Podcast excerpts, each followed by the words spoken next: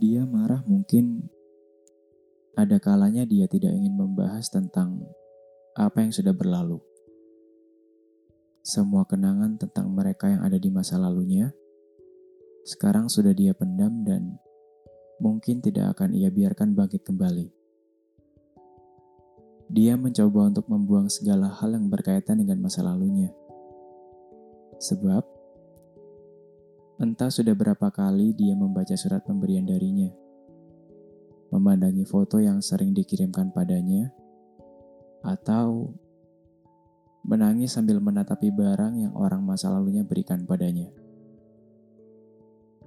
Segala sesuatu yang sempat ia lalui, segala pertemuan yang sudah menjadikan dia memiliki cerita di hidupnya, mungkin tidak ingin ia ingat kembali.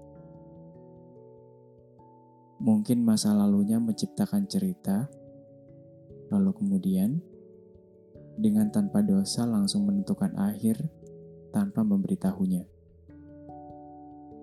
Mungkin juga dia terlalu menyalahkan kepergian, yang padahal terkadang kita sendiri yang menjauh. Dia berusaha tidak ingin menyalahkan siapa pun, tapi mungkin di setiap hari dalam masa-masa perbaikan hatinya, ia sangat tersiksa.